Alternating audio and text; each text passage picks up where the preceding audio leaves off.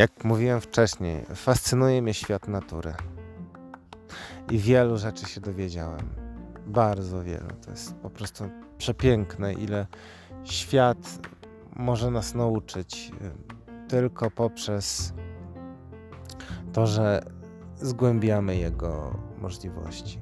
Na przykład niedawno dowiedziałem się, że kura, y, która ma jajka, mm, jeżeli wysiaduje jajko, to jest jajko podgrzewane do temperatury 37 stopni. Tak to ma 34 stopnie i kura siedzi na jajku przez 21 dni, nic nie jedząc, nic nie pijąc.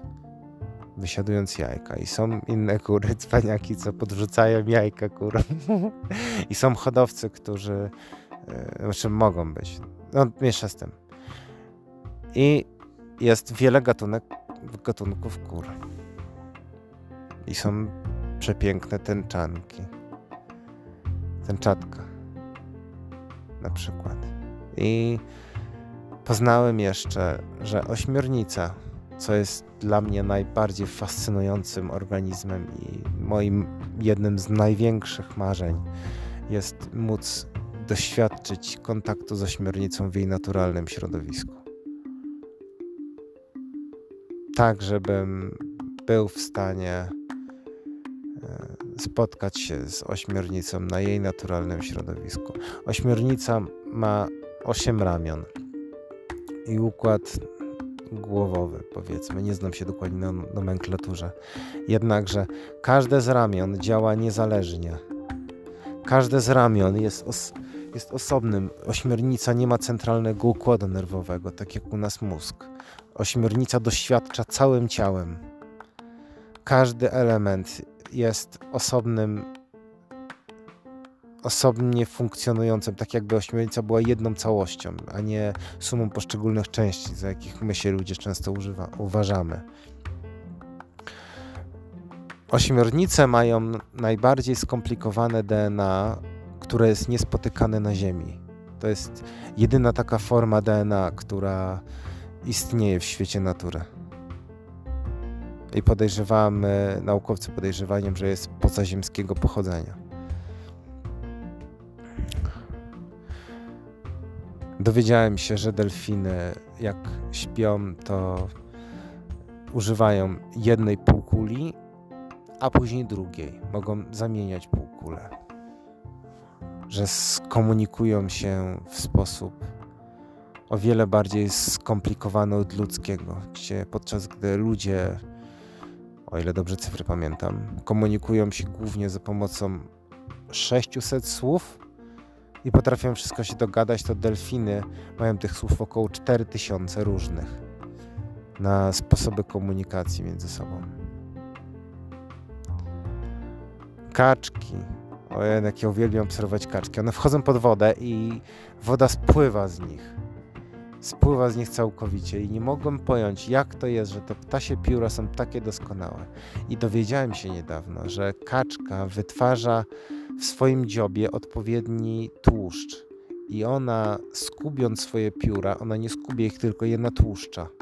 Dlatego matki kaczki robią to swoim dzieciom, natłuszczają je po to, aby małe kaczuszki mogły pływać pod wodą, podczas gdy jeszcze nie są w stanie i nie mają umiejętności wykonania tego. W momencie, kiedy zostają tego nauczone, dorosłe kaczki przestają tego robić. I wiele innych przykładów z przyrody pozwoli. O, jeszcze powiem wam, kupiłem pa, tego ptasznika.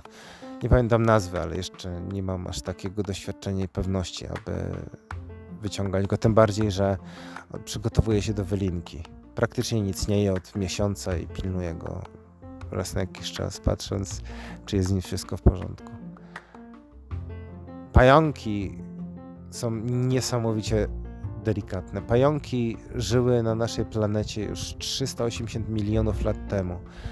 I w jednym z przepięknych wykładów na TEDzie wspominam, że pająki ewoluowały bardzo, bardzo znacznie do tej postaci, jaką mają teraz i do tej nici, jaką mają teraz.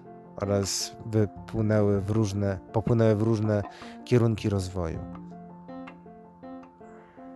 Powiedzmy, że ich specyfikacja się zmieniła. No i to znowu kieruje nas do człowieka, no bo skąd tak naprawdę my jesteśmy? Bo to jest, to jest największa zagadka. My po prostu nagle pojawiliśmy się jakieś 4000 lat temu, spotykamy kości i tak do końca my nie wiemy, czym jesteśmy. A może jest tak, że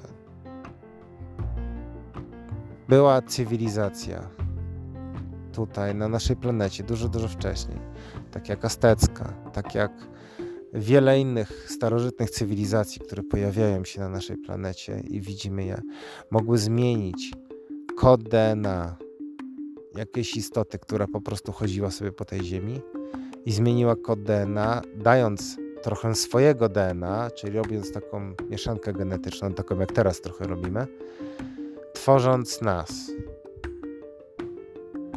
A różne rasy, różne historie, różne kultury to mogą być po prostu różne rasy obcych cywilizacji. To by było dosyć sensowne wyjaśnienie.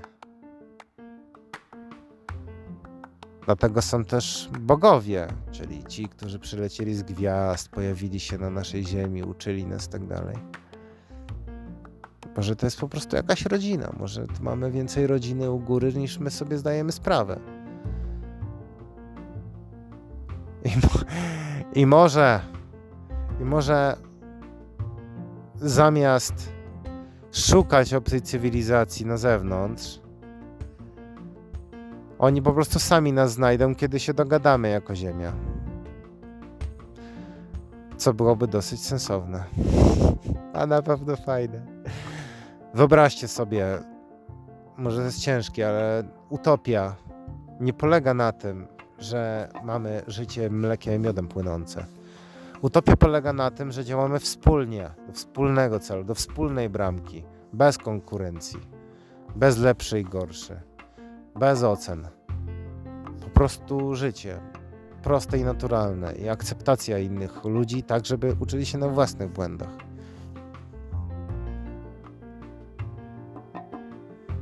Tak jak ja się uczę na swoich najwięcej. Może my jesteśmy na tej ziemi, stworzeni do tego, aby wspierać. Ona, no, wybaczcie, że to powiem, ale na pewno nie jesteśmy po to, żeby konsumować inne istoty, tylko po to, żeby przeżyć. No, Im bardziej się edukujemy, im bardziej ewoluujemy, no to naprawdę potrafimy przeżyć bez mięsa. Ale oczywiście każdego ścieżka jest inna. Poza tym nie jest aż takie ważne, czy to jest mięso, czy nie. Ważne jest to, żebyśmy mieli szacunek do tego, co, co robimy. Żebyśmy mieli szacunek do tego, co konsumujemy. Abyśmy szanowali samych siebie i szanowali świat dookoła nas. Abyśmy dbali o niego, ponieważ to jest nasz świat. To jest wspólny świat, to jest wspólna planeta. Nie mamy drugiej, nie mamy planety B. A szukając ją, jak tą rozpieprzymy, to rozpieprzymy i kolejną i nam chuj nam szukać.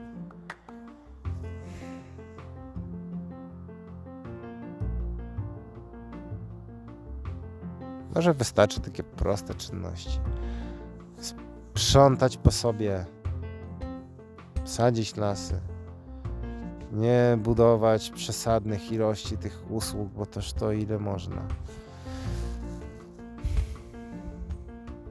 Przestać nieustannie pędzić i bronić się i hamować i szukać tego bezpieczeństwa gdzieś na zewnątrz, tak jakby miało nas spełnić. Zadbać o dom, zadbać o rodzinę, zadbać o środowisko w najlepszy sposób, jaki można. Cześć.